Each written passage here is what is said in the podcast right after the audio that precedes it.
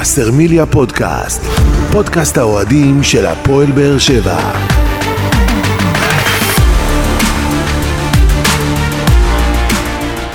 שלום לכם וברוכים הבאים לווסרמיליה פודקאסט, פרק 54 בסדרת פודקאסטים שמלווה את הפועל באר שבע לאורך העונה ותנסה להתמקד בנושאים שאתם, אוהדי הקבוצה, תעלו בפנינו בפלטפורמות השונות ובפרק הזה יש לא מעט דברים שאתם העליתם בפנינו בטלגרם ובכל מיני אה, פלטפורמות שונות של אה, וסרמיליה וכמובן שנשתף אותם אה, כאן. יש לנו את סיכום העונה הסדירה, יש לנו הכנה לפלייאוף העליון, יש לנו לא מעט הפתעות בפרק הזה, אז אה, אנחנו נקווה שתהנו ממנו, אבל לפני ש...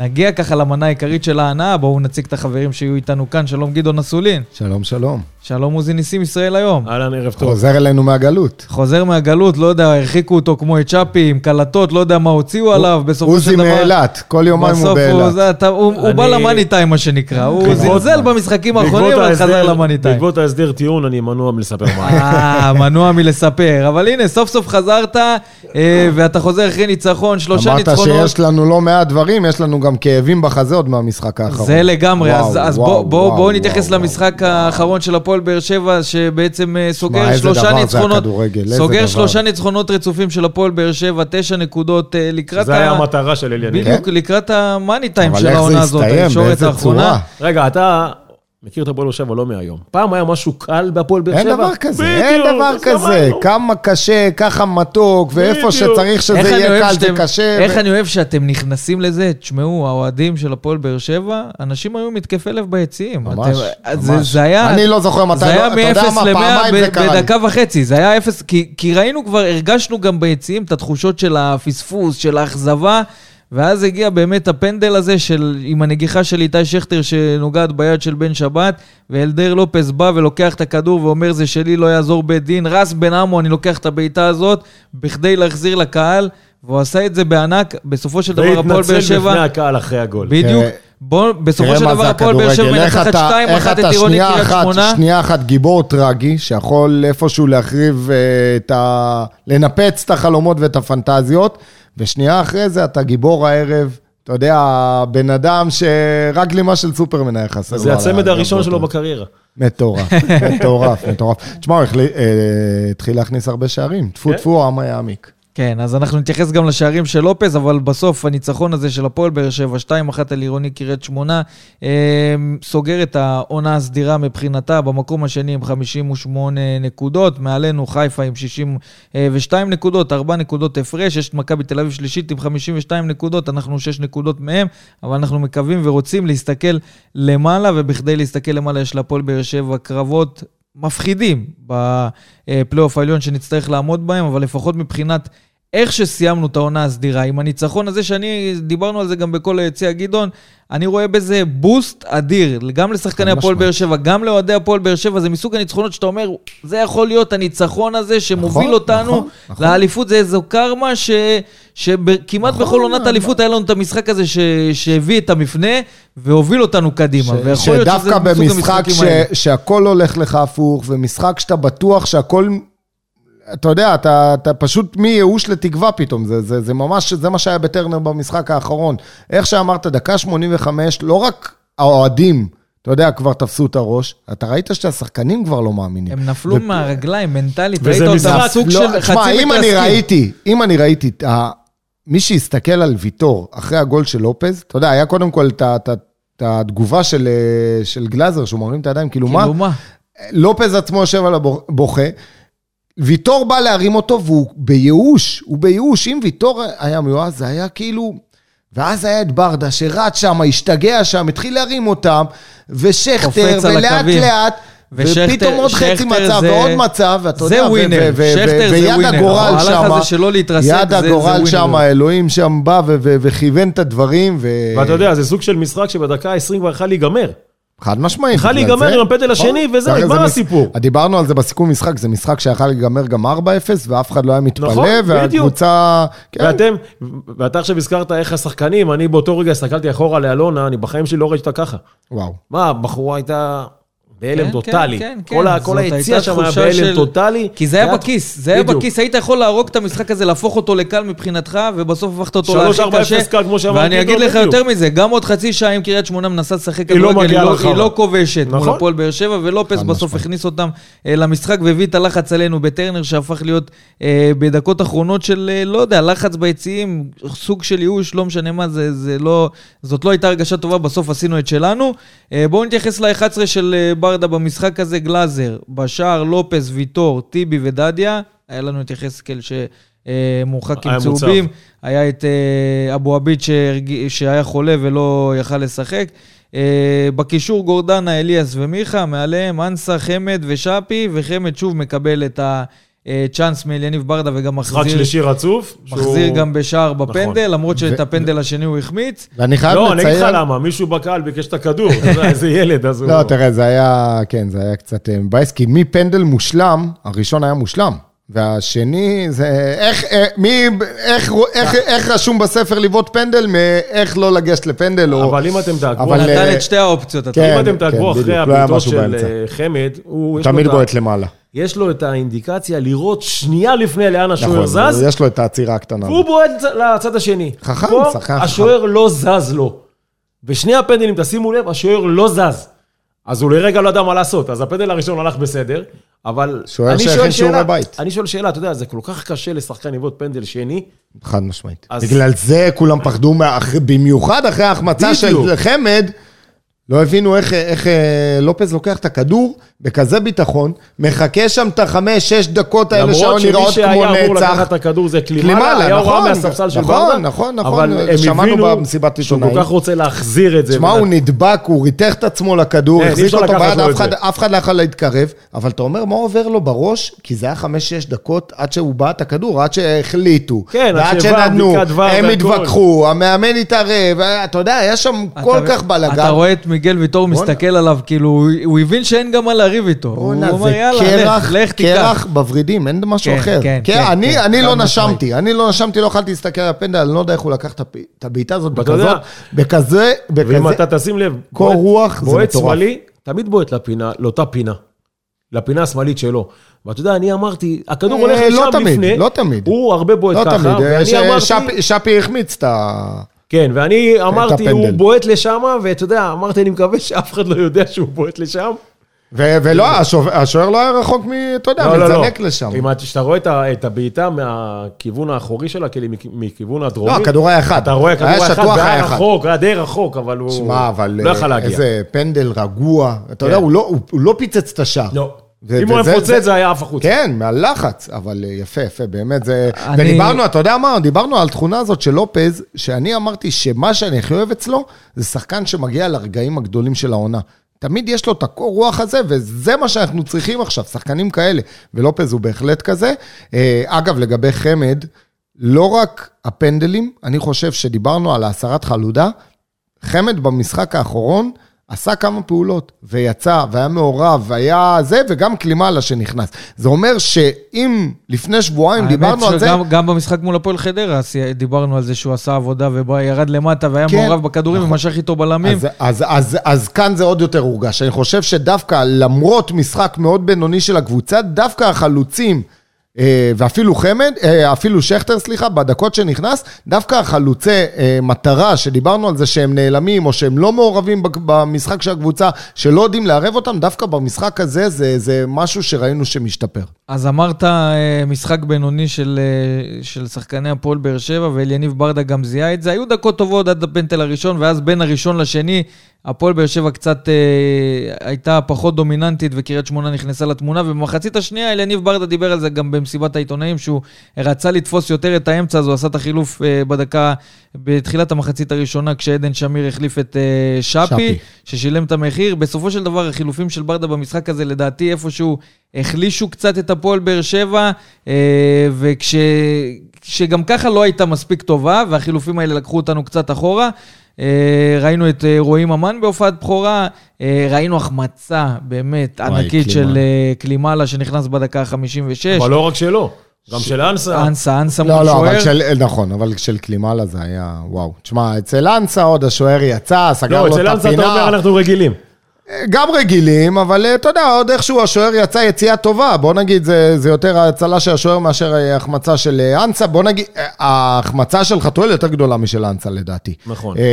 אבל של קלימאלה, אם לא היינו מנצחים, אז למזלו לופז כאן עשה מהפך וניצח את המשחק. למזלו של לופז הוא עשה... לא, למזלו של לופז וגם של קלימאלה, כן. אתה יודע, כי אם לא, אתה יודע, החצים כאן, לא, לא היינו מקבלים את זה ברוח כזאת טובה. לגמרי. אז uh, בסופו של דבר אנחנו יכולים uh, לקוות שלקראת ההמשך הפועל באר שבע תשפר את היכולת שלה, כי אנחנו מבינים שהיכולת הזאת לא תספיק האנרגיות, אתה. אתה הזכרת את זה בסיכום משחק, האנרגיות שהיו בטרנר בסיום המשחק, זה משהו שלא ראינו ולא הרגשנו זה הרבה מאוד הזכיר זמן. מה שקרה אחרי הגול של והאנרגיות לופז. האלה, אני מאמין שהרימו הרימו את הקבוצה. מה שקרה בטוח. אחרי הגול של לופז בפנדל, מטורף, רעידת זה אדמה. הזכיר את הרגעים היפים של איצטדיון טרנר, נכון. את הרגעים היפים של הפועל באר שבע. זה הזכיר את עוצמות השער של אוגו שאני לא שמונה. הרבה נכון. זמן. אותו כן, שער כן, בנגיחה, כן, כן. בדיוק נכון, אותו דבר. נכון, נכון. ואני מאוד מקווה שאת האנרגיות האלה נדע למנף, וגם את האמונה הזאת. אני חושב שזה הדליק איזו אמונה גם אצל הקהל וגם אצל שחקני הפועל באר שבע. אצל ברדה זה היה קיים, כי הוא מעביר את המסרים האלה כל כך הרבה זמן, אבל אני חושב שזה המשחק שהפועל באר שבע הייתה צריכה רגע לפני תחילת הפלייאוף העליון, כי על היכולת יש מה לדבר ויש מה להרחיב, ואליניב ברדה בעצמו אמר שהיכולת הזאת אה, צריכה להשתפר לקראת ההמשך, ואנחנו מקווים שזה יקרה כבר במשחק הראשון של הפלייאוף. ואני אוהב את זה שהוא גם לא מנסה לערבב או לחרטט, לא, הוא אומר לא, את לא. הדברים לא, לא, כמו לא, שהם. הוא לא. מעביר את הביקורת בצורה מאוד אה, עניינית, ושקודם כל מצד אחד יעבור מסר לשחקנים, שהוא לא מרוצה מאיך שהקבוצה נראית. מצד שני הוא גם לא מטייח ורוצה ו- ו- ומשמיע באמת את מה שהוא מרגיש ומה שהקהל רואה. כי הרבה פעמים יש דוגמאות שקהל רואה משהו ובא מאמן ומדבר עליו ודע. אז... אה, הראשון, הראשון ששילם את המחיר, ואמר את זה גם ברדה, שזה עניין מקצועי, זה החילוף אה, של אה, שפי. שמיר בשפי, ושפי, אנחנו יודעים שאו-טו-טו מתקרב המועד שבו הפועל באר שבע צריכה להחליט, האם היא באמת מממשת האם את היד האופציה עליו, חותמת או בועטת? או שלא. או הרגל ו- בועטת. וגם במועדון ממתינים לאיזושהי התפוצצות של נכון. שפי ב- נכון. בחלק האחרון של העונה, אני מקווה מאוד שזה יגיע, כי יכול להיות שתהיה לזה השפעה בקטע של האם הפועל באר שבע תממש או לא. כי אני חושב שהוא התחיל טוב, ובהפועל באר שבע מחכים באמת לראות שזה הבינגו שעליו שמים את הכסף. זאת... אבל אליניב אתה גם רוצה דיבר על לשמוע זה, משהו? אליניב אני- גם דיבר על זה, והוא אמר שבעיקר זה ה- ההרחקה, שהיה לו ארבעה משחקים, אחרי זה הוא היה חולה, הוא נותן לו את הזמן, ואני אני חושב... אומר לך, זה ה... שפי לא רגוע. ברגע שהוא יירגע טיפה, ישחק עם ביטחון, ישחק עם, אה, עם טיפה, אתה יודע, בהילוך טיפה יותר נמוך, ולא כל הזמן בדרייב, לא כל הזמן כאילו לוחצים ריצה באיזה שלט של פיפא ו- ו- ואתה לא מצליח לשתות את הכדור, הוא יהיה הרבה יותר רגוע, יוכל לעשות את הפעולות, כי כדורגל יש לו והמון. נכון. ואני איפשהו, רוצה להגיד לך, לא יודע מאיפה אני מביא את ההרגשה הזאת או את התחושה הזאת, אני אופטימי לגבי ההתפוצצות שלו. ואני, ואני חושב שבאר שבע כן אה, תממש את האופציה שלו, כי אתה יודע, לא, אז במצב הנוכחי היא לא תממש. היא תממש את האופציה שלו, במצב כי הנוכחי? יש לא לנו. עוד עשרה אז משחקים. זה- אני אומר, אם יהיה כאן שינוי בזה, ואני חושב עד שיהיה כאן שינוי. אני חושב שיהיה כאן שינוי מאי. אני בעלילה. חושב שגם במצב הנוכחי כן, אל תשכחו, זה ילד צעיר בן 23. נכון. כי אתה יודע, בסוף אתה תשחרר אותו והוא ילך למקום אחר כן, אבל ותגיד, זה המון "אה, כסף, זה המון כסף. אבל זה עדיין לא הכסף הגדול שהיית אמור לשלם, או שאתה... היית מביא או אותו במצב אותו. המוגמר. בדיוק, או שתמכור בוא אותו. נגיד, ההבדל בכסף בינו לבין סלמני לא כזה גדול. אה, בסדר, אבל. אתה מביא כאן דוגמה... לא, אני אומר, אתה שם את הכסף, השאלה אם באמת יחליטו אבל אני- לקחת אני- את זה כהימור ולהחתים אותו בכל מקרה, גם אם הוא לא ייתן סוף עונה גדולה, או ש... שאלת, לגבי היכולת, ואני באמת, גם עם התקווה הזאת של שפי, שהוא ייכנס לעניינים, אני... יש לי איזה מקום לאופטימיות, שאני חושב שהשחקנים, השחקנים המשפיעים, בוא נגיד, מתחילים לחזור, בסדר? ואם זה רמזי, ואם זה שגיא, ו- וכולם מתחילים לחזור לעניינים, חמד אה, מקבל את הביטחון, קלימאלה נכנס לעניינים, אנחנו מתחילים דווקא במאני טיים אה, לקבל את כל הכוחות שאנחנו צריכים, ואני בטוח ש... ש... ספורי? אני לא, לא יודע אם... הזכרת את חמד, רמזי ספורי. ופאון יחזרו במשחקים הראשונים של. הפלייאוף אז, העליון, שזו גם נכון. תוספת כוח משמעותית נכון, להפועל באר שבע.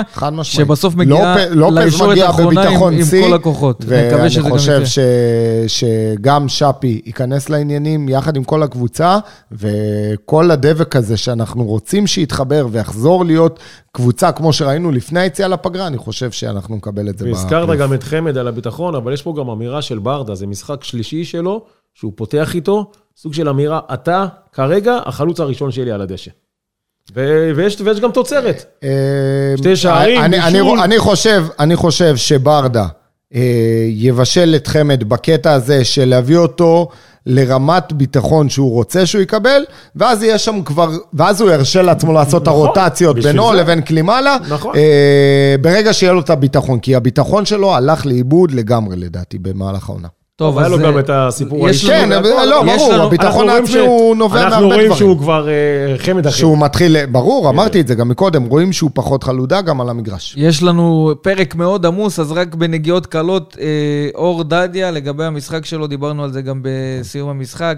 זה- שלו, כן, דיברנו על, ה, על הביטחון שבקהל, ראינו פוסטים גם של אוהדים שאומרים בואו נרים לאור דדיה. כי מתחילים לחזור אה, להפגין את התמיכה, כן, ו- כי וזה בסופו של כל דבר כך ראינו, חשוב. כשצריך אותו, כשאין את שגיב יחזקאל, אתה רוצה שישחק שחקן עם הוא ביטחון, נתן ולא... משחק לא רע בכלל, אפילו משחק טוב. אני חושב שאם הוא היה קובע, זה היה בונבוניירה, היה רץ נכון. לקהל. היו ו- לו גם הכנסות כדורים אה, יפים, נכון, נכון, הוא הרים שם מקרים. כדור, הוא כן. הרים שם כדור באמת יפהפה, כדור אה, כמו בספר לאנסה שהיה שם בנבדל, מאוד מאוד גבולי.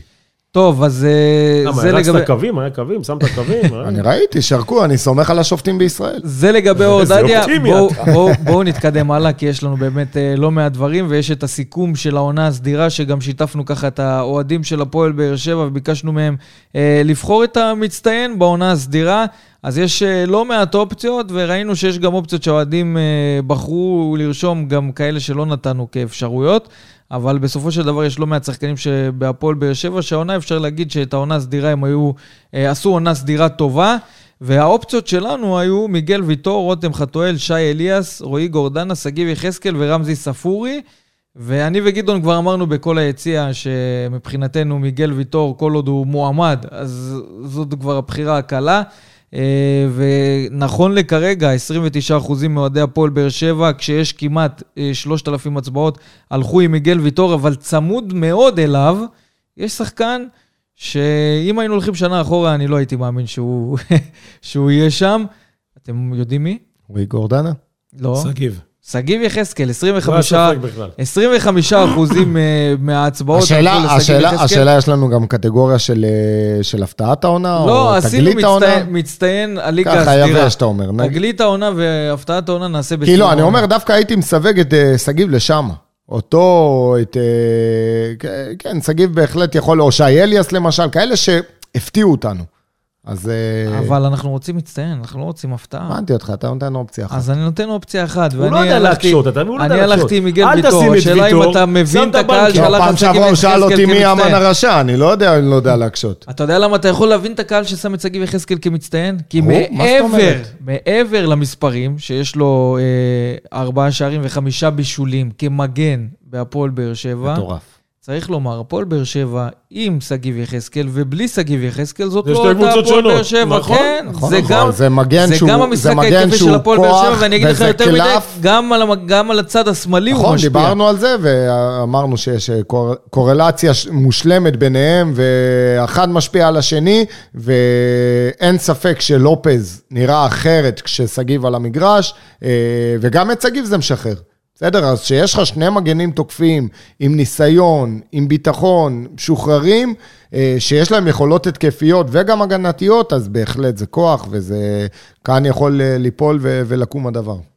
ומיגל ויטור, מבחינת הפועל באר שבע, אנחנו לא צריכים לפרט, אבל כמעט בכל uh, קטגוריה הגנתית הוא מספר אחת במגרש.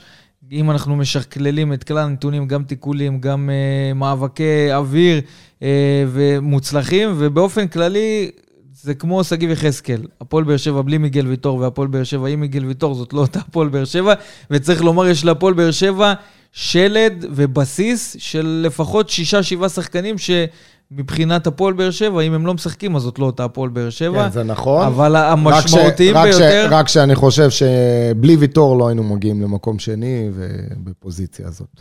אני חושב שגם שגיב יחזקאל... לא, תראה, אבל עם שגיב, כשהוא לא היה, עדיין הצלחת לנצח. נכון, ההתקפות שלך, משחק ההתקפה שלך היה נראה פחות uh, טוב. Uh, ניצחת 1-0 ועוד 1-0 ועוד... הצלחת עוד איכשהו לחבר. Uh, בלי ויטור לאורך זמן, אבל התרומה של אה, שגיב בצד אחד ולופס זה בצד שני, זה נותן לך אופציות של כנפיים, נותן לך אופציות שאין. לך, עם כל הכבוד לאור ותראה, שאור נמצא. ותראה את הפאזל ש...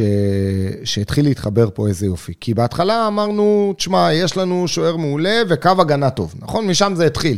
בסדר? והאם אתם זוכרים, בעונה הקודמת, היה לנו בלאגן שלם במשולש האמצע. מי הקשר האחורי? יש לך תשע אופציות וכולם בינונים אמרנו, יש לנו כמות, אין לנו איכות.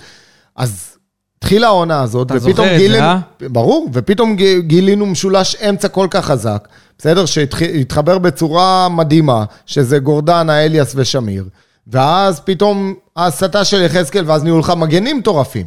עכשיו אנחנו מדברים על זה שהחלוצים נכנסים לעניינים. אה, ספורי ו- ו- ו- ספורי ו- ומיכה ייכנסו לעניינים, ויש לנו את חתואל, ויש לנו, אתה יודע, זה, זה כבר קבוצה שמתחילה אתה להיות יודע מה? כקבוצה בוא, מושלמת. בוא נעשה דבר כזה, אמנם נתנו לקהל לבחור את המצטיינים, וזה זה משהו כללי כזה, שאומרים שחור או לבן, זה או זה. בוא תיתן לנו יותר אחוזים בוא- אנחנו, ואנחנו לא, בוא, בוא נעשה נשפיע. כזה דבר, בוא נפרגן ללא מעט שחקנים של הפועל. באר שבע העונה, ונעשה את זה לפי הקטגוריות. אז קודם כל, מי השחקן ששיחק הכי הרבה דקות משחק? בואו נראה אם אתם יודעים. גלאזר, לא? גלאזר, איזה. ספק בכלל. אה, עמרי אוקיי. גלאזר, אין ספק, לקח לכם איזה... לא, לא, בסדר, חמש שניות אני לקבל הסתכלתי על החלטה. שחקנים, ואז אה, נזכרתי שיש שמע, שוער גם. אם אתה היית רוצה להתקיל אותנו, היית אומר פרט לגלאזר. אז אתה יש, מבין? אז יש את עמרי גלאזר, מלך השערים של הפועל באר שבע עם 11 שערים, זה רותם רותם חתואל. יש לנו את דור מיכה, שהוא מלך הבישולים עם שישה בישולים. אה, אגב, אה, דור מיכה... שגיב יחזקאל, כמה בישולים אמרנו? חמש. חמישה בישולים. מסירות מפתח מדויקות, אה, גם בזה דור מיכה מוביל עם מי הובילים 27. מיכה? ואחריו רמזי ספורי, שימו לב לפער, מיכה 27, גם ספורי גורדנה, אני 13. חושב, איפשהו שם ברשימה אמור להיות. במסירות מפתח? כן, גם היה יכול. להיות, אני, אני הבאתי את הבולטים ביותר. אתה טופ, הבנתי אותך. איומים מחוץ לרחבה, בואו נראה אם אתם יודעים מי המוביל. כן, תנו לי. ספורי, לא? לא, לא. דבר אליי. רגע. רגע. דבר אליי. אה, ספורי נותן פייט. הבדל של איום... אה, אה, רגע. כן, הבדל של. איום אחד. או פאון.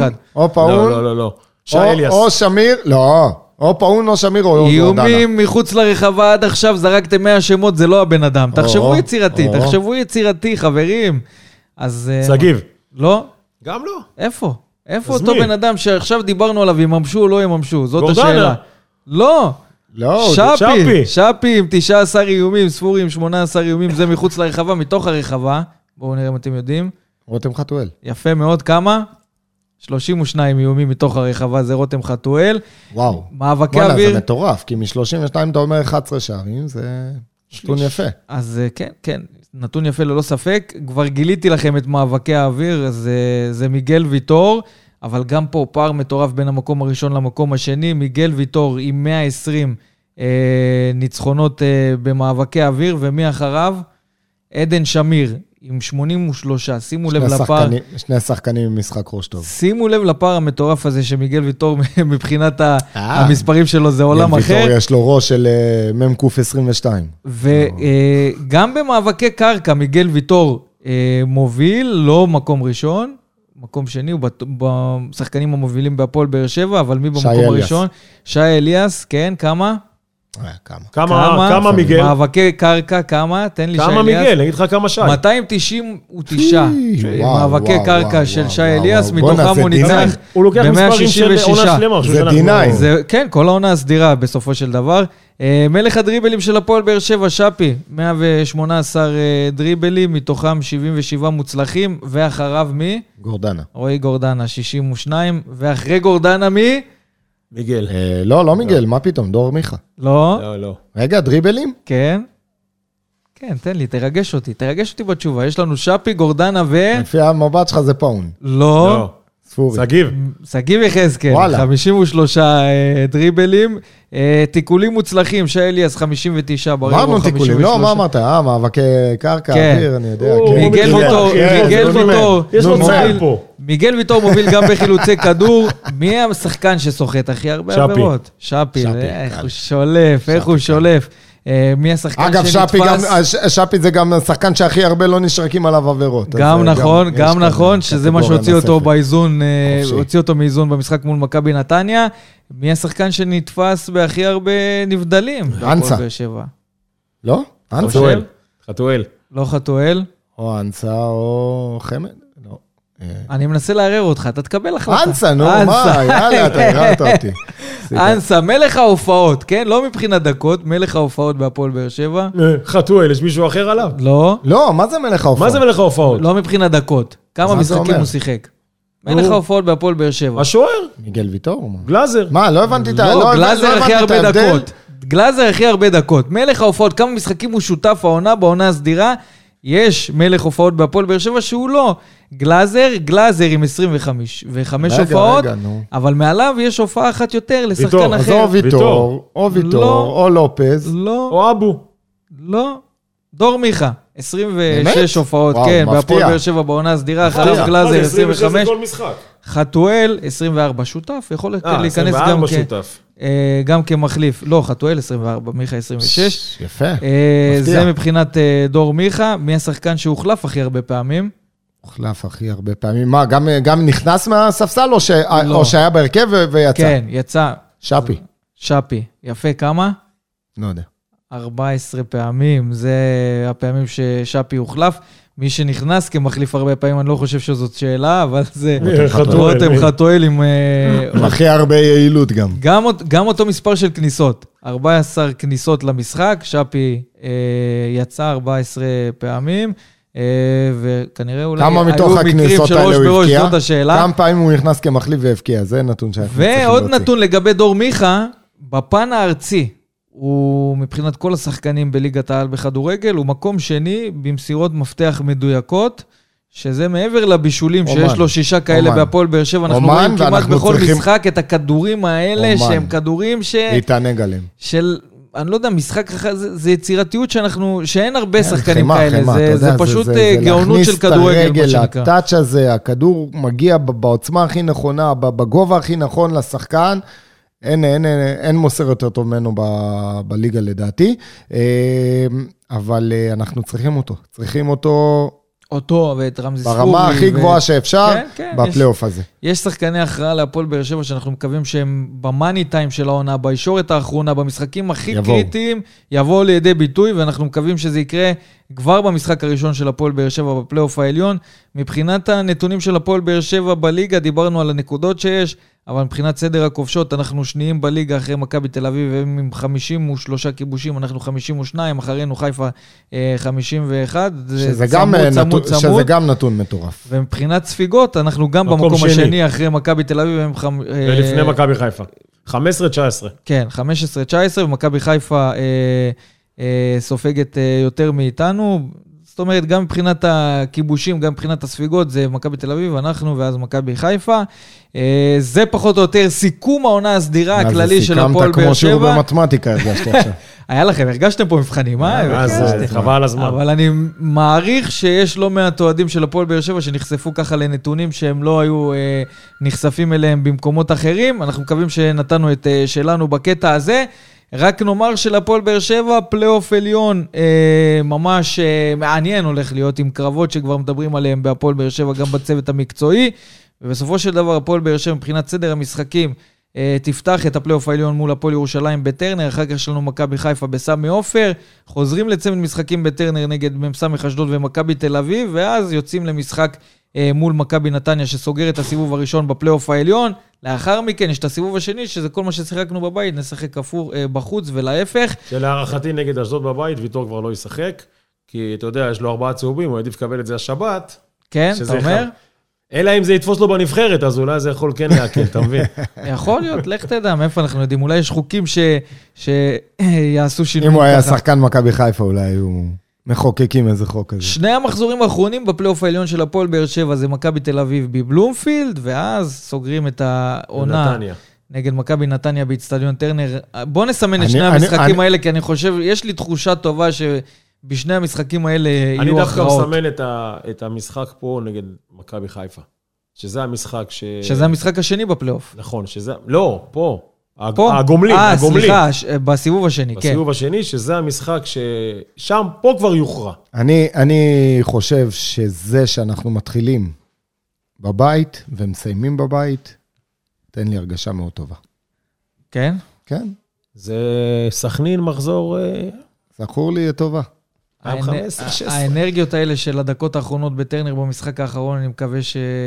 הרימו יש- אותנו, יש- יש הרימו איזו אותנו, הרימו. אותנו, יש איזה ו- הילה כאן. ולמרות אה, שהמשחק בשבת, ולמרות שאתה יודע, יש פה הרבה תרעומת, אני מאמין שמי שלא זכה או לא הצליח להגיע לטרנר עד היום, יש לו הזדמנות שטרנר יהיה סולד אאוט, באמת, אבל ממש סולד אאוט. כי זה הזמן לדחוף את השחקנים, והם צריכים את זה. הם עשו עבודה טובה בשמונה דקות האחרונות במשחק האחרון. צריכים לבוא ולתת להם את הפוש. וצריך לומר שהפועל באר שבע הוציאו מיני מנוי לפלייאוף העליון, זה נכון. הזמן של כל האוהדים של הפועל באר שבע שאין להם מנוי עונתי לקנות את המיני מנוי שמי הזה. שקונה את המיני מנוי, מבטיח לעצמו מנוי שנה הבאה. או, זה דבר חשוב. או, אז הנה, זה יש לכם אפשרות שלא יודע- להיות חלק מהפועל באר. שבע גם מבחינת מנויים לעונה הבאה. צריך לומר שיש עדיין אוהדים של הפועל באר שבע שלא ויתרו על התביעה הייצוגית, ובהפועל באר שבע אה, באים לקראתם ואומרים, אם תוותרו, תקבלו כרטיס למשחק מול הפועל ירושלים, ככה על חשבוננו, מה שנקרא. אז אם יש אוהדים שעדיין... אה, אה, לא ויתרו ורוצים לוותר, זה הזמן לעשות את זה, אבל באמת... פרטים מצטרף- אצל בן בודה בפרטי. אני מצטרף לקריאה של עוזי, באמת, הפועל באר שבע צריכה את הקהל שלה אה, בפלייאוף העליון. זה הדבר שבאמת נותן כוחות, נותן את האנרגיות, נותן את האווירה, נותן את הביטחון, נותן את האמונה, ולא מעט שחקנים של הפועל באר שבע מדברים על זה. אבל הנה, סיכמנו גם את המשחק האחרון של הפועל באר שבע מול עירוני קריית שמונה, סיכמנו גם את העונה הסדירה, והבטחנו בתחילת הפרק הפתעות. אז בואו נעבור להפתעות, אה, בואו ניתן הפתעות למאזינים, למה לא? מה? יאללה, מגיע להם, למה לא בעצם? תן להם. יאללה, זמן ההפתעות. הפעם אני רוצה להפתיע גם אתכם, ולא רק את המאזינים שלנו, ולחייג לאחד מהשחקנים שניסינו לתפוס אותו כמה פעמים בפרקים הקודמים, ונעשה לו שיחה בהפתעה, נקווה שהפעם הוא יענה, ו- ונזרום עם זה. נזרום עם זה. מוכנים? יאללה. יאללה, תעשה. מתיחות, תעשה מתיחות, עוזי. מי זה? מי. זה, מרדכי היהודי? אני באתי בריצה. נו יאללה. יאללה, בואו נחייג.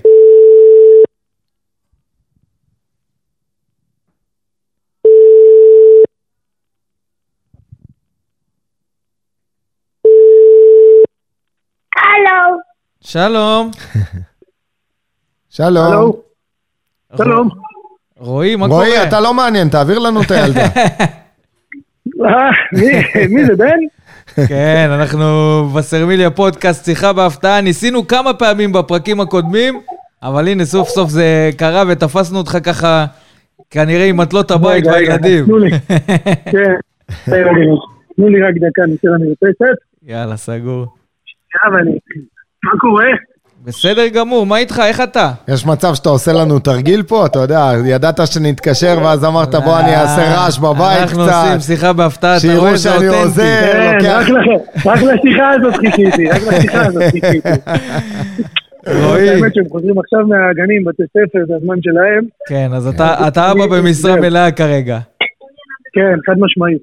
תקשיב? אנחנו, אנחנו, בסדר גמור, ניסינו, אתה יודע, כמה פעמים, כי אני באופן אישי רציתי איפשהו לסגור מעגל, אם אתה זוכר, בעונה שעברה עשינו אה, פרק של אה, אחרי גמר הגביע, ובאמת, נגענו בכל הכוכבים וזה, ודווקא אותך היה לנו חשוב לעלות, ואם אתה זוכר, זה היה אה, רגעים שהקבוצה חגגה, אתה היית בפציעה שלך, ובאמת דיברת איתנו מהלב, והרגשנו אולי בפעם הראשונה את העוצמות של רועי גורדנה בהפועל באר שבע, כשהוא פצוע, כשהוא לא חלק מהקבוצה, אבל uh, נמצא שם מאחורי השחקנים, מאחורי החברים, מביא איתו את כל האנרגיות בשביל הקבוצה. מבחינתנו ומבחינת הקהל ששמע את השיחה אז, זאת הייתה נקודה שבאמת רועי גורדנה הפך, הוציא את הלב שלו בשביל האוהדים, ואנשים התחברו לדברים שאמרת כאן. ומאז uh, אותה פציעה, הספקת לחזור, וראינו את רועי גורדנה עם כל הדברים האלה שהוא מביא מסביב, מביא את הדברים החשובים גם על קר הדשא, חזרת מהפציעה, לפחות מבחינת היכולת, כמו שסיימת את העונה שעברה עד הפציעה, כמו שהוא הבטיח, הוא הבטיח שהוא יחזור בצורה הרבה יותר טובה אפילו. ו- ועשית את זה בגדול, אפשר להגיד, רועי. קודם כל, תודה רבה על כל המילים החמות. אה, זה לא מובן מאליו. אה, מהקדנציה הקודמת, אני זוכר שהייתי 24 או 25, משהו כזה, חשבתי שאני איזה ילד צעיר שיכול לנצח את העולם ולא להיות חלק מקבוצה. עשיתי טעות כשעזבתי בפעם הקודמת, אני לא אוהב לדבר על הנושא הזה, אבל פשוט העלית את זה, שאני חלק מהקבוצה. אז הבנתי כמה החשיבות של להיות חלק מקבוצה, וכמה החשיבות של להיות חלק ממועדון גדול, שיש תחרות לפעמים ולפעמים צריך להילחם בזמנים לא טובים. או בזמנים פחות טובים, כמו שקרה עם הפציעה, משהו שלא, אתה יודע, לא תלוי בי ולא תלוי בגוף שלי או בהתנהלות שלי.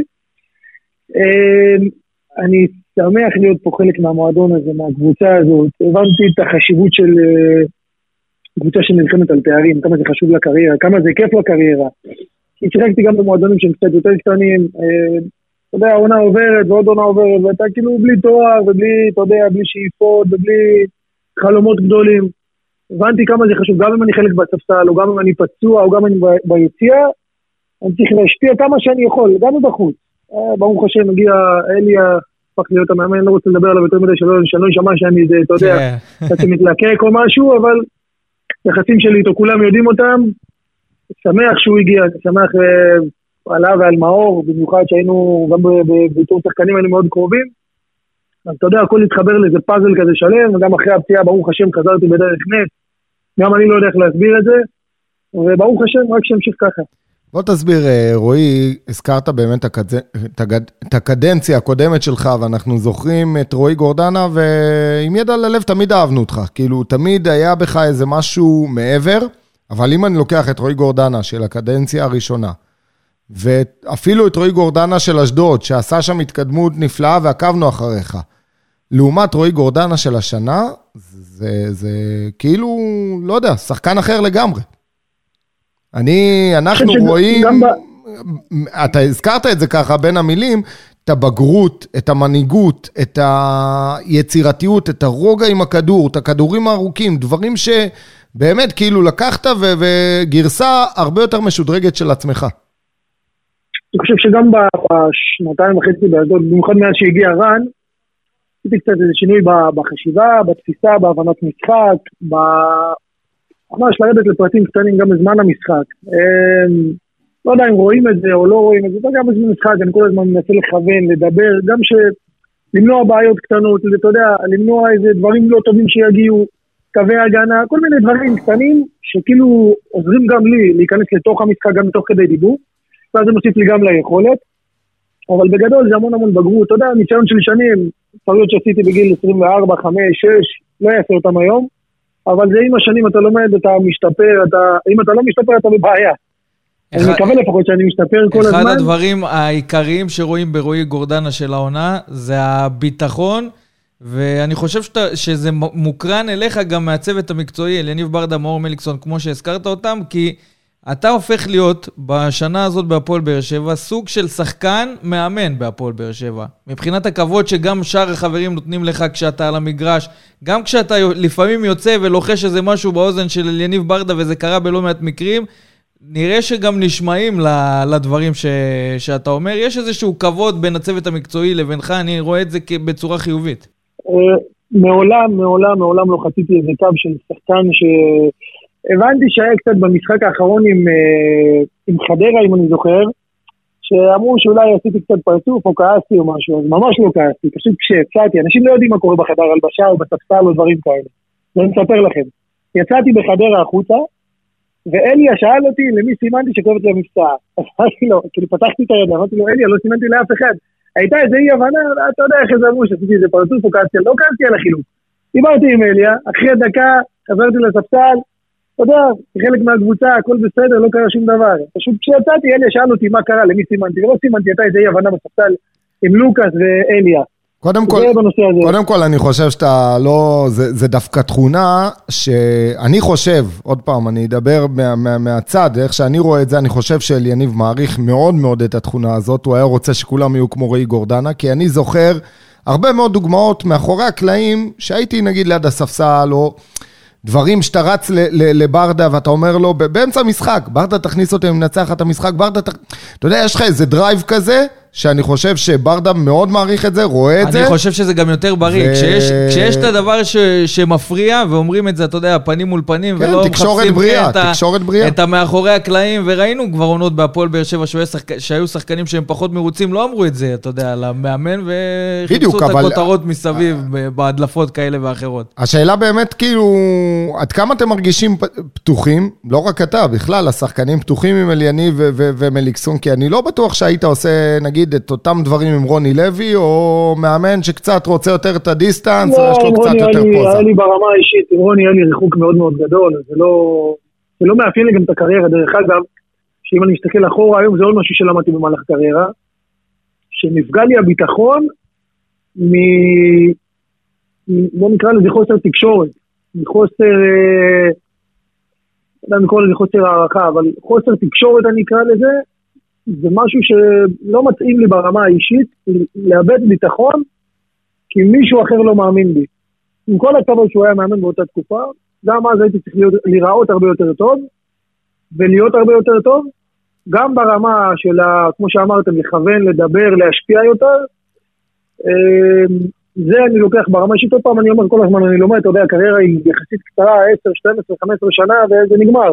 אבל מכל שנה אתה לומד עוד איזה משהו, עוד שני דברים, עוד שלושה דברים, אתה כל הזמן מנסה להשתפר, זה ברמה הזאת. עם אליניב השחקנים מאוד פתוחים, מאוד, אה, עוד פעם, פתוחים, אבל אף פעם לא חוצים קווים. זה מאוד חשוב שיבינו את זה אנשים שמסתכלים מבחוץ.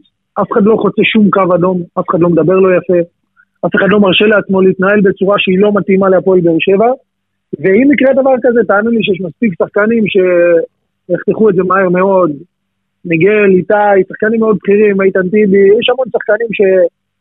אלי בנה חדר הלבשה מאוד מאוד בריא, ואני אגיד לכם משהו שגם מליקסון יש לו השפעה מאוד מאוד גדולה.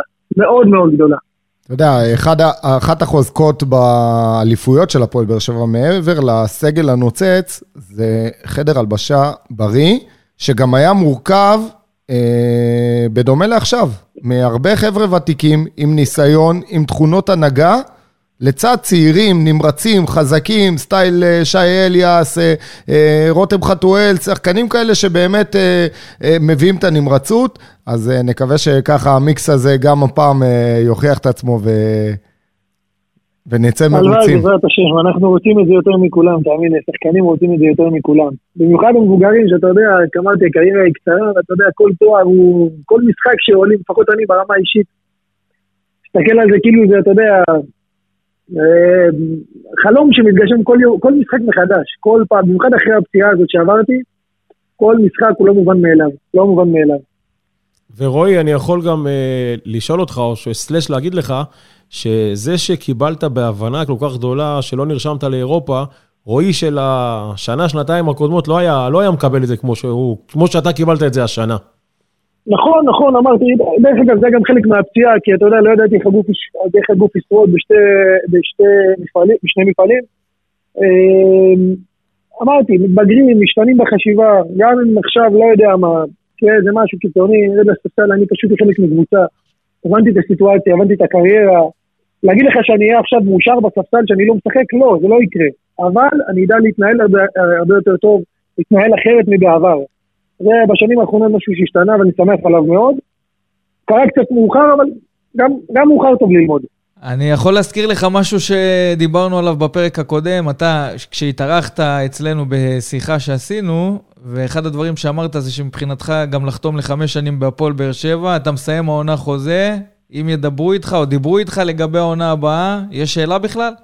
מה, לגבי ההמשך? לא, שאין, שאני לא, לא, אני לא מוציא דברים מהפה סתם בשביל להרשים אנשים או לרצות אנשים. מאוד מאוד רוצה להישאר בהפועל באר שבע. הייתה לי שיחה עם גיא לפני משהו כמו, לא יודע, בדיוק עשרה ימים בערך, אני מעריך שזה היה, שבוע או עשרה ימים.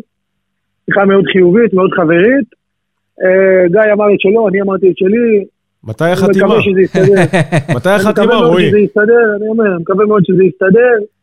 בעזרת השם בואו נראה מה יקרה, גם יש, אתם יודעים, לחץ עכשיו של העונה, אז אתה יודע, דברים קורים קצת לאט, זה מובן וזה מקובל. מקווה שהכל יהיה בסדר, בעזרת השם, אה, כמה שיותר מהר. ומה אתה יכול להגיד לנו על הפציעה של יום שבת? הרי יצאת, הרגשת קצת איזו דקירה קלה. כן, אה, כן, כן, הרגשתי איזה קיבוץ קטן באחורי של רגל ימין. אה, מאז הפציעה, כל הזמן המדדים של ה-GPS מאוד מאוד חשובים. לראות שאין הבדלים בין הרגליים, לראות שאין...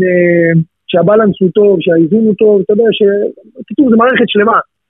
אה, כנראה שבמשחק האחרון אה, הייתה קצת עייפות יותר מדי גדולה על רגל ימין. כן, שיחקת לא, זה הרבה על שמאל. כנראה. שיחקת כן, הרבה. על שמאל כנראה.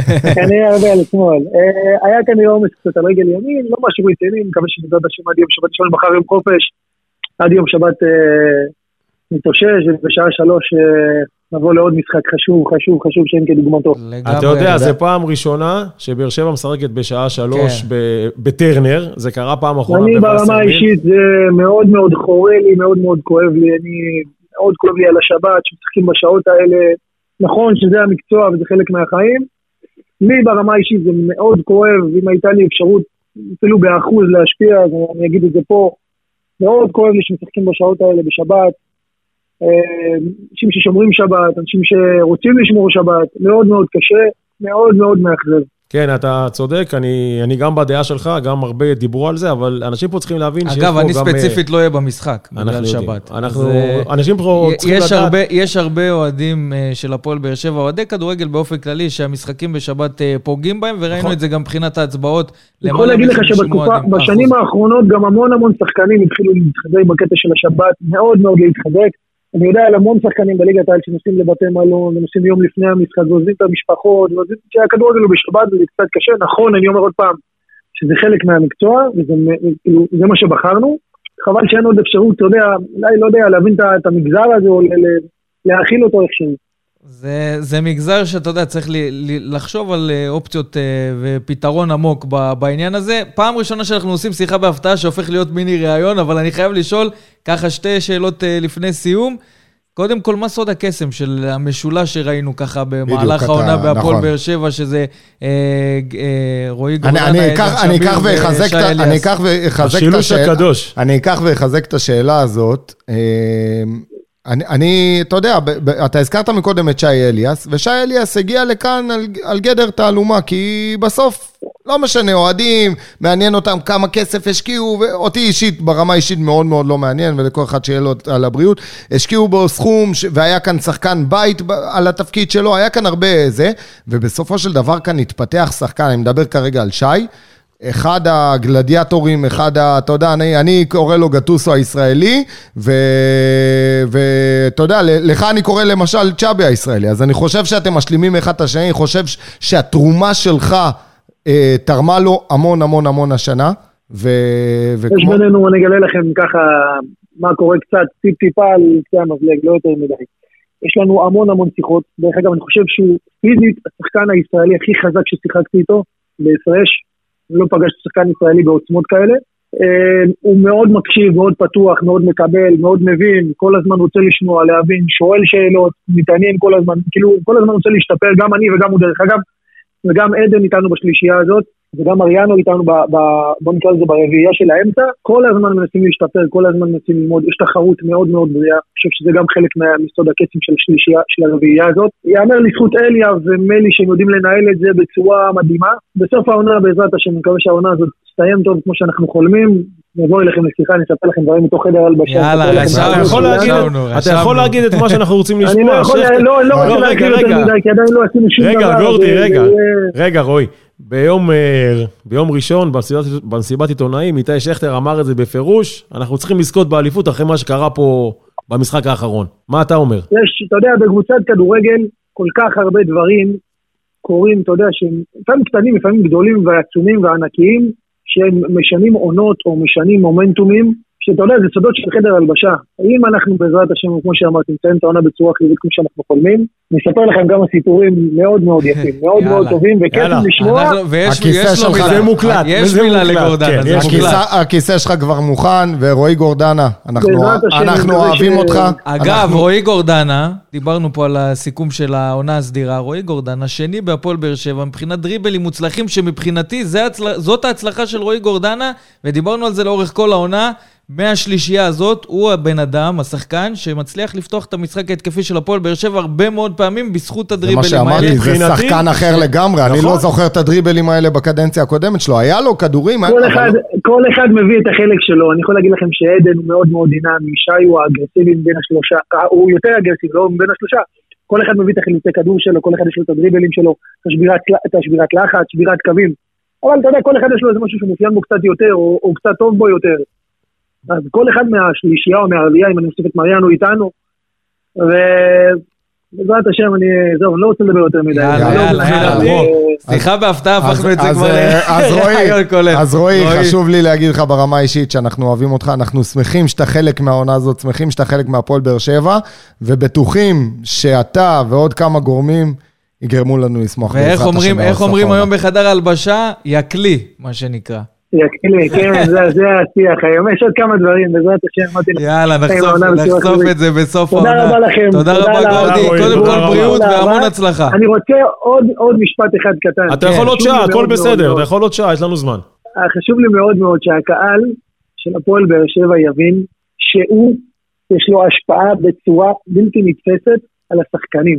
במיוחד על שחקנים צעירים. זה חשוב לי להגיד את זה. הם נותנים לנו drive, גם לצעירים, גם למבוגרים, אבל בעיקר לצעירים. יש להם השפעה לא נורמלית. אני חושב שהקהל לא מבין כמה יש לו השפעה על השחקנים בזמן המשחק, וגם ב- ב- בתגובות. יש להם השפעה, הם השחקן ה-12, הם הכוח, הם האנרגיות, הם הדרייב, הם הפוש שלנו קדימה, ובמשחקים שלא הולך לנו, או שאנחנו פתאום שוברים איזה, אתה יודע, מומנטום, זה הרבה הרבה בזכותם. חשוב לי שהם ידעו ויבינו את זה. זה מאוד חשוב לחדר הלבשה ול- ולעשרה המשחקים האלה שנשארו. והמסר הזה מאוד מאוד משמעותי באמת לקראת הישורת האחרונה של הליגה. אני מקווה שגם uh, הדברים האלה uh, יקבלו את המענה מצד הקהל של הפועל באר שבע, שיבין שזאת ה... זה, זה כמובן המאני זה, טיים. זה, זה משהו חיובי, זה לא לביקורת. כן, כן, לא, בשביל- ברור, ברור, ההשפעה. שלהם היא עצומה עלינו, בתור שחקנים ובתור אנשים שבתוך המגרש יש להם השפעה, גם על הקבוצות היריבות דרך אגב. כן. שיחות עם שחקנים ששיחקו נגדנו, אני אומר לך שטרנר בא, כמו, טרנר, כמו שטרנר יודע, אנחנו בנקודת התחלה אחרת לגמרי. יאללה, נקווה שטרנר יבוא אש, כל משחק וגם משחקי חוץ. בעזרת השם, שנסיים את העונה. מחויכים. תודה רועי רבה לכם, גורדנה, תודה רבה. תודה, תודה רבה, רק בריאות. והצלחות. ביי. אז אחרי. הרבה זמן. סוף סוף תפסנו את רועי גורדנה, שמענו את בחור הדברים מרתק, שלו. איזה בן האמת זאת הייתה אמורה להיות שיחה בהפתעה, אבל הוא. חזרה. מאיתנו. ראיון שירן- על שירן חשבונו, מה קצת יכעס שנקרא. עלינו, אבל אה, זה כן. באמת, בוא, הכל יצא כאן מהלב. גם שירן אנחנו... אגב, אני אהבתי שהוא העביר מסרים לקראת המשך העונה. שזה הדבר הכי חשוב, וזה. בא ממנו. אנחנו לא הובלנו לשם. אנחנו לא אז הובלנו, באנו בקטע של שיחה בהפתעה, והוא. רצה להעביר מסר אז לקהל. תחשוב גם. אם זה היה שיחה בהפתעה של דקה וחצי, איפה- איפה המסרים היו? כן, אמת, מסכים איתך. בדיוק. אז הוא אמר הרבה דברים שהם מאוד משמעותיים לקראת ההמשך של הפועל באר שבע, גם מבחינה אישית וגם אנחנו בפודקאסט כאן הרווחנו הבטחה לקראת סוף העונה. נקווה שבאמת נחגוג בסיום העונה וככה נממש את ההבטחה של גורדנה. טוב, רגע לפני שנעבור למשחק הבא, וכמובן נציג את uh, יונתן כהן, יש איזה שינויים שהייתם עושים בהרכב של יניב ברדה לקראת המשחק הזה? יש שינויים שיהיו כשינויים לא קפואים, אלא שינויים שבמשחק הקודם היו קפואים. לדעתי אני מחזיר... אתה אומר, כל מי ש- קודם כל, יד- שלא היה אבו עביד, אני מאמין, יד אבו עביד. אני מאמין ש...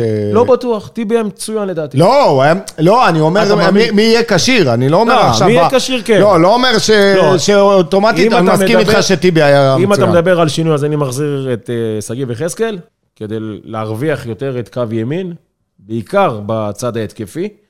כן. צריך לראות מהם הכשירות של אה, גורדנה. גם אם הוא כשיר, נוטה לו לנוח עוד שבוע. נכון, כי נכון. בריירו נכון, חוזר, הרגישות, נכון, בריירו חוזר, הרגישות, ואנחנו צריכים אותו יותר. נכון, הרגישות פגרה, של אה, גורדנה קצת אה, ואחרי זה יש פגרה של. שבוע, פגרת נבחרות. אז אה, אני רוצה, אג- אני כבר מסתכל על מכבי חיפה, על סמי עופר. כן, אבל אל איך- תסתכל איך-. איך אה, ברדה אמר. אנחנו לא שומרים אף שחקן. לא צריך כל- לשמור, חזר לך בריירו. מה אתה צריך לשמור? ואתה יודע מה? אתה לא צריך לעלות עם שלוש דפנסיבים מול הפועל ירושלים בטרנר בבית. לא, אין בעיה, בסדר. גם, אה, גם שמיר הוא לא דפנסיבי, אני חושב שהוא משחק. אה, לא, מבחינת השלישייה שאנחנו מדברים עליה כל ה- כל השנה, על כל העונה, השלישייה הזאת, אז רגע, בואו. בואו נעשה סדר וניישר קו גלאזר, חוליה אחורית. גלאזר אין מישהו. שגיא- לא, שג- גלאזר ואז חוליה אחורית. שגיב יחזקאל אה, צד ימין. אני חושב שברדה כן יפתח עם יד אבו עביד, למרות משחק טוב של טיבי, אבל אתה יודע, גם כדי ככה... להחזיר את יד. לאזן, וגם, אתה יודע, לתת כוחות. בסוף טיבי הוא לא ילד וצריך אה, איכשהו ככה לעדן, ופה ושם. זה לדעתי מה שיהיה. אה, ויטור, לופז, אה, מסכים עם עוזי בקטע הזה של גורדנה, אני חושב שכן, המתיחה הקטנה הזאת היא עדיין תגרום לפתוח עם בררו. שי אליאס, אני כן חושב שהוא יפתח עם שמיר. אה, אני אעזור לך? חוד, חוד. לא, רגע, יש עוד שתי צדדים. כן, כן, אבל אה, בוא נתחיל מהחוד. שפי- ומיכה בצדדים, אני הולך איתם. נכון, אנסה אני לא חושב שיפתח ו- במשחק הזה. חמד, ואני ח- חמד- ואני חמד נותן- בשפיץ. ואני נותן לקלימה להופעת בכורה בהרכב. כן? לא, אז רגע, אז איך- איך? איך עשית את החישוב? 4-4-2, מה? אה, אז רגע, אז? אתה פותח עם שניים אחוריים, כמו שהוא פתח אה, במשחק האחרון אתה. כן. אני חושב שהוא יפתח עם 4-3-3. טוב, אנחנו נראה את זה, בואו נעבור ליריבה. ואם אנחנו מסתכלים על המשחק הבא של הפועל באר שבע נגד הפועל ירושלים, פתיחת הפלייאוף העליון באיצטדיון טוטו טרנר, שבת בשעה שלוש נגד הפועל ירושלים, שעשתה עונה, מבחינתה עונה טובה, והבטיחה את הפלייאוף העליון, ובכדי להתכונן למשחק הזה ולהבין מה קורה בצד השני, בואו נדבר עם אה, אחד עם האיש מהאנשים... שמייצג את הפועל ירושלים. גם מייצג את הפועל ירושלים וגם. איש שמזוהה עם כדורגל ישראלי, הארדקורד האמיתי, יונתן כהן, ערוץ הספורט, שלום. אהלן, אהלן, מייצג, כן, טוב, כבוד, אין לי בעיה, יאללה, אנחנו פה בשיחה של זורמים, אוהדים, זורמים. אנחנו בשיחה של אוהדים, ובסופו של יום כאילו, כן, אני איש כדורגל ישראלי, ושדר, וטלוויזיה והכל, אבל בסוף, בסוף, בסוף, אני בדיוק כמוכם, אני בן אדם שבדיוק ביציע לפני ואחרי הכל, שם, שם נולדתי ושם אמות, לגמרי. ונציג הבעלים של הפועל ירושלים. כן, לשעבר, אני בקבוצה בליגת העל, אני כבר לא... בוא נאמר ככה, יש, אה, יש קרוב לאלף אוהדים שהם בעלי הקבוצה בעצם. אה, מאז שהקבוצה בליגת העל, אני כמובן אה, אה, לא חידשתי את החברות שלי כבעל מניות, או איך זה נקרא, כבעל, אה, כחבר עמותה, בגלל, ה, אה, בגלל שאני רוצה, אתה יודע, להיות נקי בהסתכלות שלי ובהתייחסות שלי עד כמה שניתן, אבל ברור, הלב, אני לא, לא מתכחש לזה, נמצא, נמצא במקום אחד. תגיד לי, זה קצת מעניין אותי באמת כל המודל הזה, א- איך זה עובד? כי אני זוכר שהפועל באר שבע בתקופות פחות יפות, גם רצו וגם נכון. דיברו על הנושא הזה. נכון. א- איך זה, איך זה מתנהל? מה, יש לכם איזה ועדה? יש לכם איזה נציגים? בוודאי, בוודאי. אני אגיד לך שבתחילת הדרך, אחד המקומות שבהם למדנו אה, אה, להניח את היסודות, ו- ומה שנקרא עשה ואל תעשה, ולאיזה כיוונים למשוך, ומה, היו יחד עם אה, לא מעט אנשים אה, מהפועל באר שבע, שהם באמת ניסו בשעתו לגלגל את הרעיון הזה. אנחנו מדברים על הימים שהם טרום אלונה כמובן, ימי נכון. אליזינו וכל הבלגן שהיה, ובאר שבע באמת היו הקבוצה הראשונה בישראל שניסו אה, לפתח מודל כזה באיזשהו אופן עם התאמה, עם התאמה מקומית.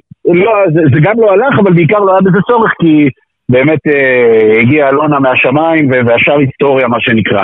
אה, הסיפור של, אה, של הפועל ירושלים ומודל הבעלות שלה הוא אחד המדהימים בספורט העולמי, ואני באמת לא, לא, לא, אני, אני באמת משתדל, קחו בחשבון, גם אם אני פה משתמש במילים גדולות, אה, אני משתדל להיות מאוד, מאוד עם רגליים על הקרקע. אבל הוא סיפור מדהים כי בסופו של יום, כן, הבעל הבית של הקבוצה זה הקהל.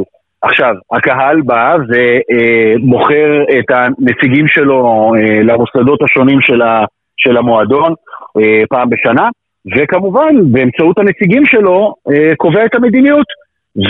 וחלק מתפקידם של אותם אנשים שהם המייצגים שלו, כלומר נציגי האוהדים בהנהלה, הם אלו שאמונים בין היתר על גיוס כספים ועל קביעת דרך ועל חלוקת המשאבים, אבל לקהל, חוץ מקביעת המדיניות ועזרה מהותית בגיוס הכסף, אין השפעה על היום-יום של המועדון. כלומר, העסק מתנהל בצורה הכי מקצועית ומקצוענית שיש.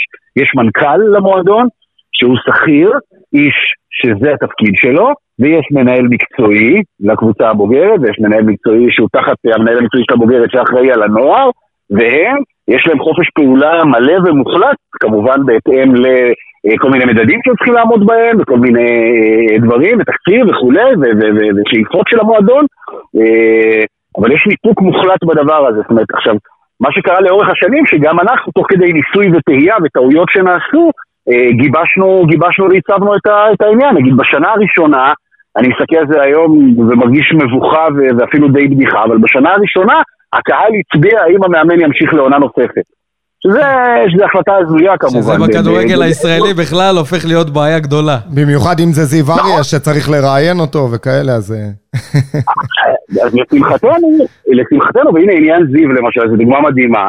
יש מי שחי את המועדון ביום יום, ויש מי שמתווה דרך מקצועית, שזה שי אהרון, זה אליניב ברדה שלנו. כן. אה, זוכרים אני אותו, באמת- זוכרים אותו לרעה אצלנו. כל מיני שערים כן, עם מה, הראש. נתן גולים? נתן גולים? כן, אה, כן, כן, נגדנו? ברור. שי אהרון זה סוג של ניר סביליה כזה. הוא היה רוצה כל יום את באר שבע. כן. גדול. וכן, היו כמה ימי שישי נחמדים בווסרמיל, אני יודע, ימים שכולנו יכולים לשכוח, אז בוא. כן, ושי, שחי את העסק ביום-יום, אמר, נגיד בשנה שעברה, שהיו הרבה קריאות, עזבו את התקשורת, קריאות גם בתוך היציע, קבוצה לא טובה זה, והוא אומר, לא, זיו זה מאמן, שיש פער מאוד גדול בין איך שהוא מתראיין לבין מה שהוא עושה מקצועית בקבוצה, נכון. והאיש הזה הוא האיש הנכון ביותר לפתח את המועדון ולקחת אותו קדימה.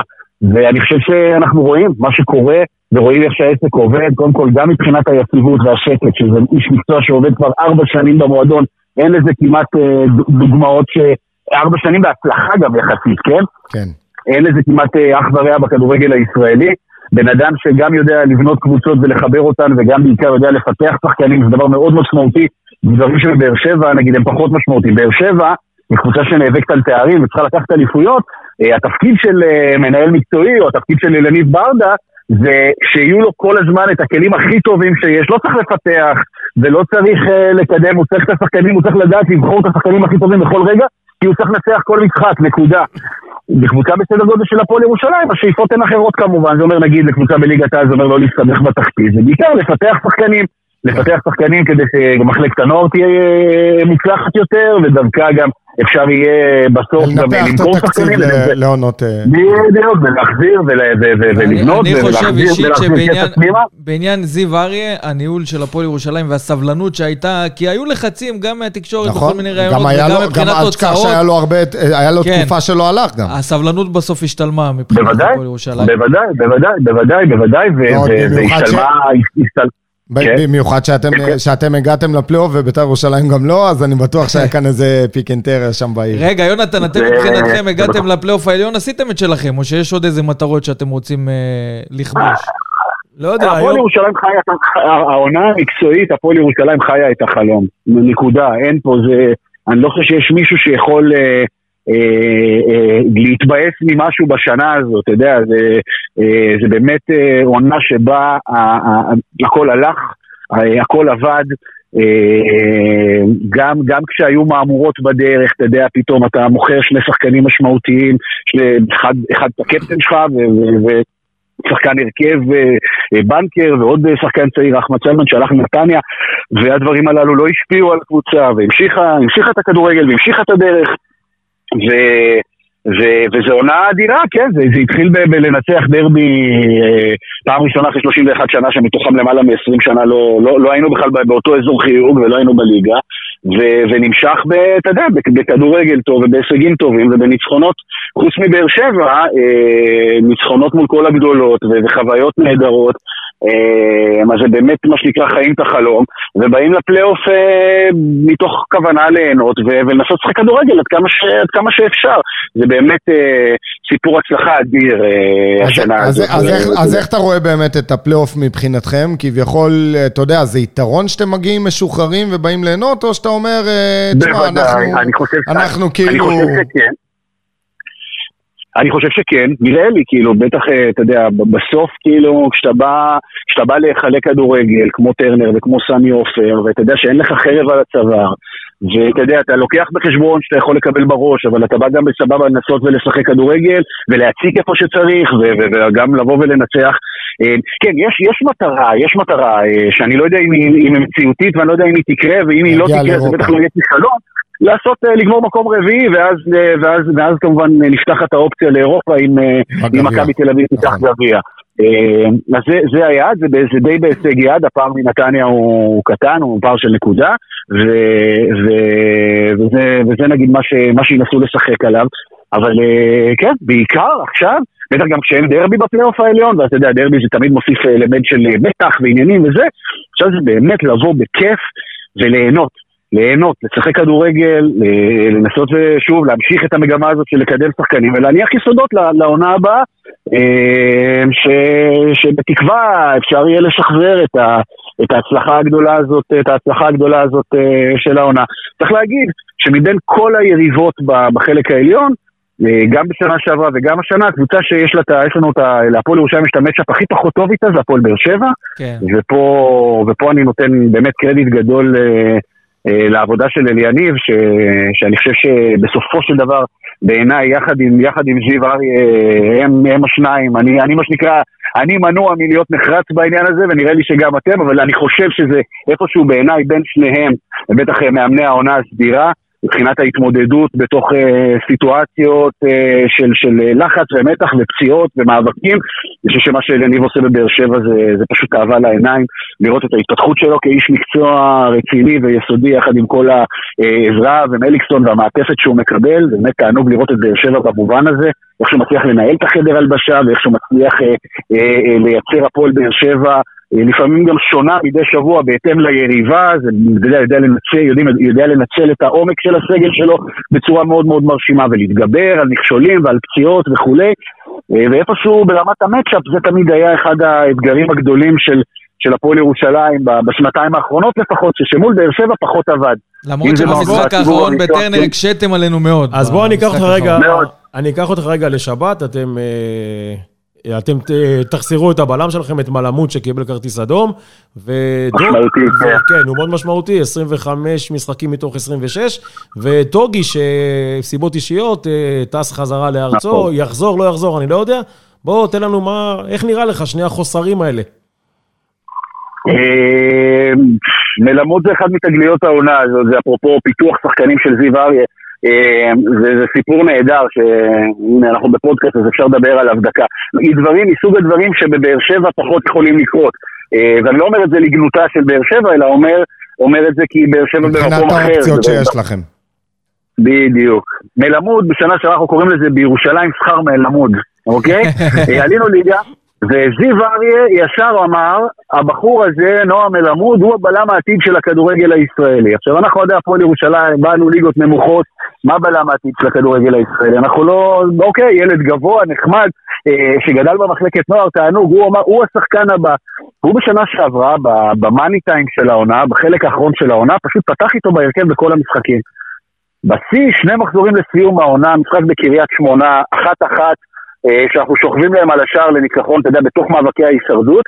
מלמוד כשל פתאום עם הרגליים, דקה 92, וסידר לשבירו שער ניצחון קל, וכולם נשברו באותו רגע, כאילו בתחושה שזהו, שהעונה, אין, ירדנו ליגה. אה, מעיבוד כדור של הבלם הצעיר, שחקן הבא, עיבוד כדור רשלני כזה, כאילו ממש. וזיו גם לקח את זה קשה באותו רגע, אבל אמר הוא יגדל, הוא יגדל והוא ישתפר. והבן אדם היום מחזיק את ההגנה של הפועל ירושלים, כן, ילד דתי בן 21, שחקן הנבחרת הצעירה, שחקן הרכב אצל גיא לוזון, יהיה ביורו הקרוב, אה, מחזיק את ההגנה יחד עם אה, בצ'ו, עוד אה, בלם צ'כי חביב, שגם הפך להיות הקפטן של הקבוצה אחרי גוני נאור, וההיעדרות של מלמוד הפכה להיות משמעותית, זה, זה, זה סיפור נהדר לראות ילד שכשל בעונה שעברה והתרסק, והאמינו בו למרות הכל. בדיוק, הרבה שחקנים צעירים שאתה רואה בהם את הפוטנציאל ואתה מריץ אותם לאורך זמן, ואומר, אוקיי, אני אשלם עליו מס, אבל זה ישתלם לי בהמשך. בקבוצות גדולות זה הרבה הרבה יותר קשה, בגלל שצריך להביא תוצאות כאן ועכשיו. כן, כי הקהל לוחץ. בסדר גודל, ממש ככה, ובסדר גודל של הפועל ירושלים אתה אומר, אוקיי, אני אשלם עליו את המחיר, אני ארוויח אחרי זה, כי גם אין לי חלופות, ואין לי כסף עכשיו להנחית בלם, אין ברירה. וזה, ובעונה הזאת, נועם מלמוד, בעיניי, שוב, בעיניי המצ'וחדו, זה שחקן ש... נבחרת העונה, תגלית העונה, אחד מהדברים האלה, ועל כן החיסרון שלו יהיה מאוד משמעותי. מי שהחליף אותו בפעם היחידה שהוא לא, שהוא לא פתח בהרכב היה עמית גלאזר, אח של דן גלאזר, בלם שהגיע מבני יהודה, שהוא חביב מאוד, ובהחלט... אה, בהחלט הולך להיות משימה מורכבת. כן, אה, ראינו, את השמחה, ראינו את השמחה שלו שם בבלומפילד. אה, אחד כן, אחד כן, בוכה, אחד צוחק. כן, כן זה באמת סיפור אדיר. אה, אז במובן הזה החיסרון שלו משמעותי. אה, טוגי זה גם חיסרון משמעותי במובן הזה שהוא שחקן שפחות בא לידי ביטוי, מסוג החלוצים האלה שפחות מביאים מספרים, אבל הם כן לא מספיקים לעבוד, ומטרידים את ההגנה, ויודעים לשחק עם גב ישר, ולעשות דברים שלא באים לידי ביטוי במספרים. החלק הקדמי של הפועל ירושלים הוא נקודת התורפה שלה באופן יחסי, הוא החלק הפחות טוב שלה.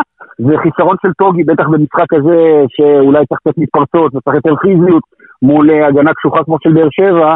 זה, זה, יהיה, זה יהיה קצת, יהיה גם יהיה מאתגר, אבל שם, שם השאלה כמה זמן, חלופות. יונתן, השאלה כמה זמן אה, עבד השבוע אדלי על אה, העברת זמן ובזבוזים, כי פעם שעברה זה היה אה, הוא- דקות ארוכות. ובלי כרטיס צהוב אפילו.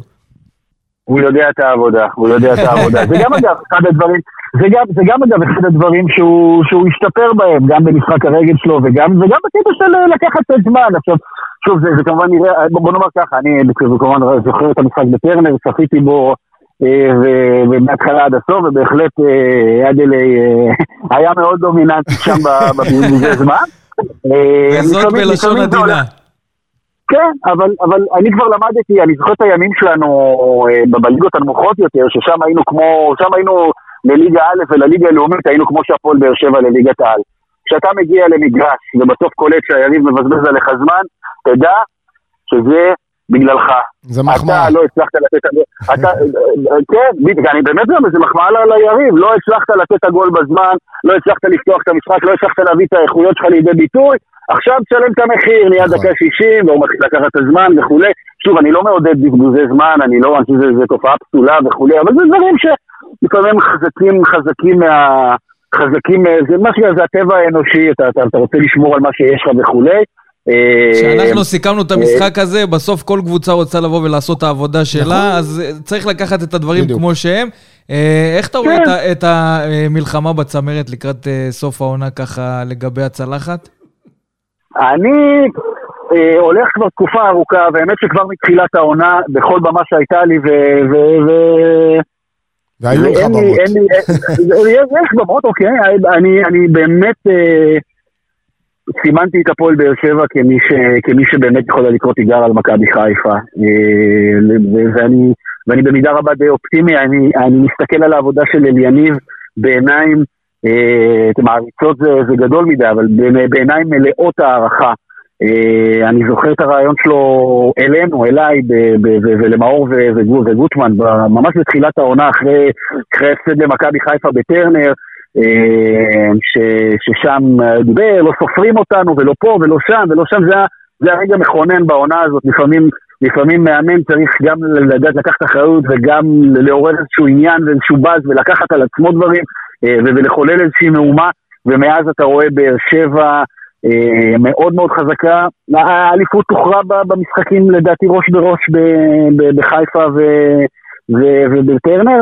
אה, אני מאמין מאוד בהפועל באר שבע, אז אני אומר כאילו שבבמות שהיו לי, אה, הלכתי, הלכתי, הלכתי והימרתי על הפועל באר שבע כזו שתדע להשלים את המשימה בסוף. האם זה יקרה, האם זה מחובר למציאות, אני לא יודע, אבל זה בטח לא מופרך, וזה כן דבר שיכול לקרות. אני חושב שבסופו של דבר, מכבי חיפה מנצחת בדבר אחד את כל הליגה, וזה בסופו של דבר אני חושב שהיא יותר איכותית. אני חושב שבסופו של יום, בטח בחלק הקדמי, יותר שחקנים שבפעולה אחת יכולים לגמור משחק. אבל ב- ב- בפלייאוף עליון יש עוד אלמנטים ש... ש... שמכריעים, שמכריעים את יחסי הכוחות. הנה גם אתמול הפועל תל אביב הייתה באמת בבונקר מטורף, וחיפה לא הגיעה למצבים. אבל פעם אחת חזיזה עושה את הדריבל, ופעם אחת אצילי אה, מתלבש לו, וזה מנצח משחק. ובאר שבע לפעמים נראים? בשלב- אה, אה, יש להם בחלק הקדמי איכות קצת יותר כן. גבוהה מליתר הליגה.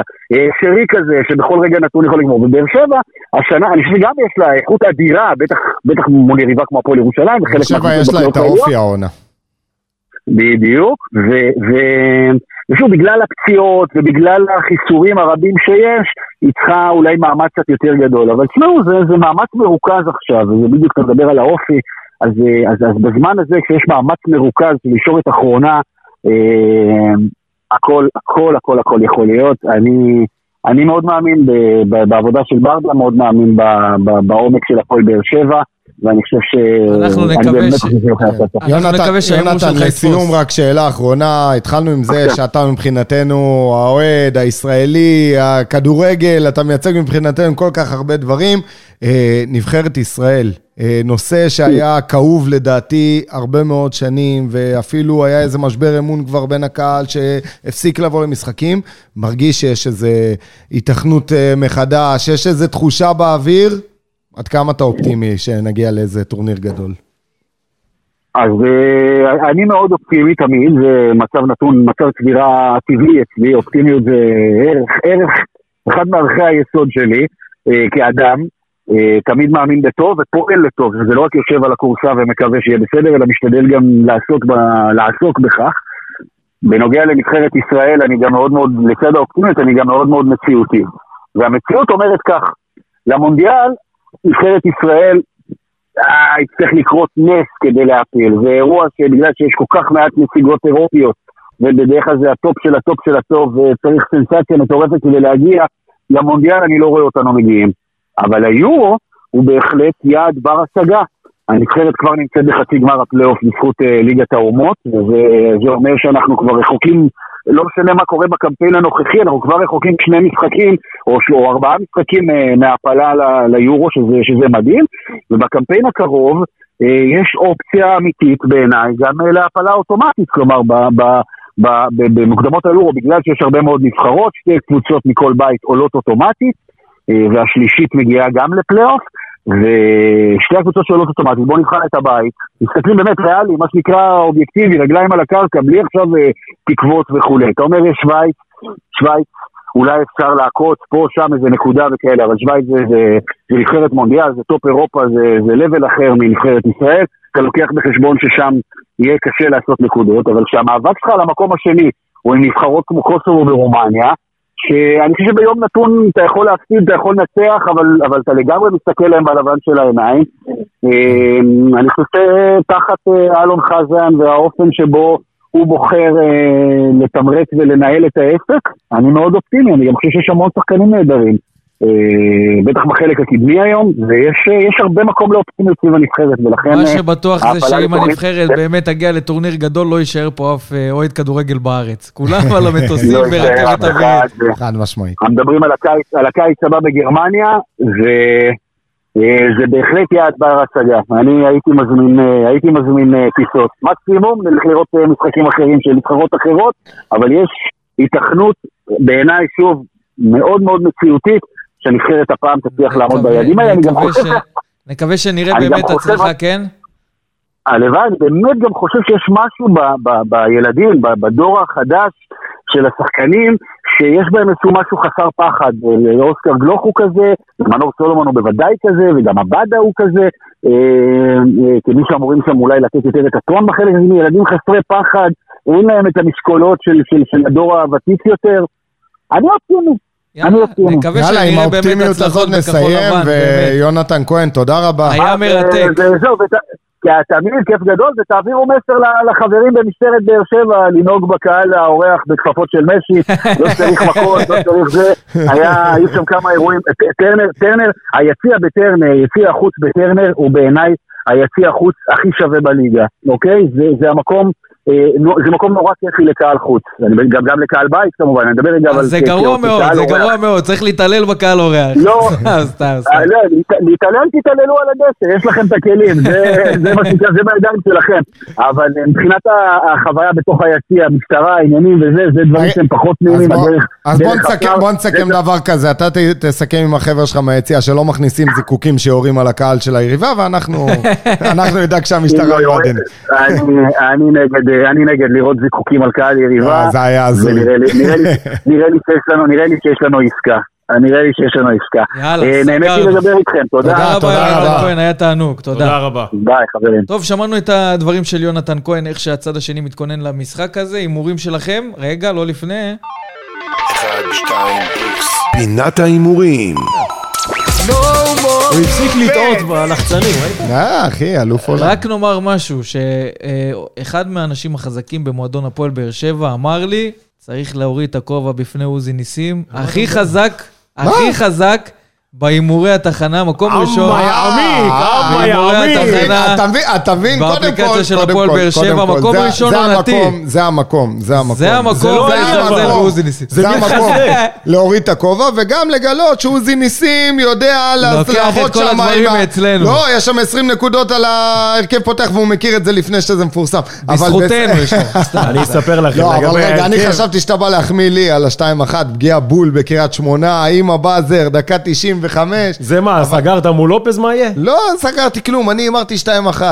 הוא הוא אה, הימר 2-1 אבל, בזמן אה, שהרבה אין דיברו איתנו ואמרו זה ניצחון לי?" קל. אמרתי להם, איפה הבאתם ניצחון קל? ראינו. כמה קשה אתה זה. יודע איזה לחץ היה בסורוקה? הם היו בכוננות, הרימו כוננות. וואי, וואי. אחרי הגול של לופז. הרבה. התקפי לב, הרבה מה זה התקפי זה? לב. אבל אם אנחנו מסתכלים על המשחק מול הפועל ירושלים, שמענו את יונתן כהן, מצד אחד הם רוצים אירופה, מצד שני הם באים ליהנות, אנחנו כנראה גם לא נראה משחק יותר מדי אה, מסתגר מבחינתם, והפועל באר שבע, בכדי להמשיך במסע עד סוף העונה, ובאמת להיות שם ו...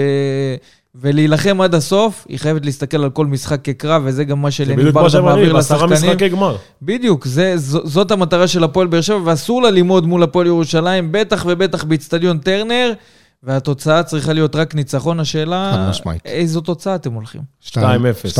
בדיוק. מה זה, עשיתם יד אחת? מתחת לשולחן. ואם אני אגיד שלוש? תגיד אז שלוש. הנה, אמרתי, אתם שתיים. אני שלוש, אז נאחל. המון הצלחה גם להפועל 1-0, באר שבע. אני קונה, הכל טוב. אני נאחל המון הצלחה להפועל באר שבע אה, במשחק הזה. ו... היה אחלה פרק. חייבים, חייבים לפתוח ברגל ימין. היה פרק מצוין, גם רועי גורדנה, גם אה, יונתן כהן שהביא לנו את הצד השני של הפועל ירושלים. אה, גם סיכום העונה הסדירה, יש לא מעט דברים שגם עירבנו את האוהדים. אנחנו אה, כמובן נשתמע בפרקים הבאים, נקווה שנפתח את הפלייאוף העליון ברגל ימין, זה הכי חשוב. תודה רבה שהייתם איתנו עד כאן, וסרמיליה פודקאסט. וסרמיליה פודקאסט, פודקאסט האוהדים של הפועל באר שבע.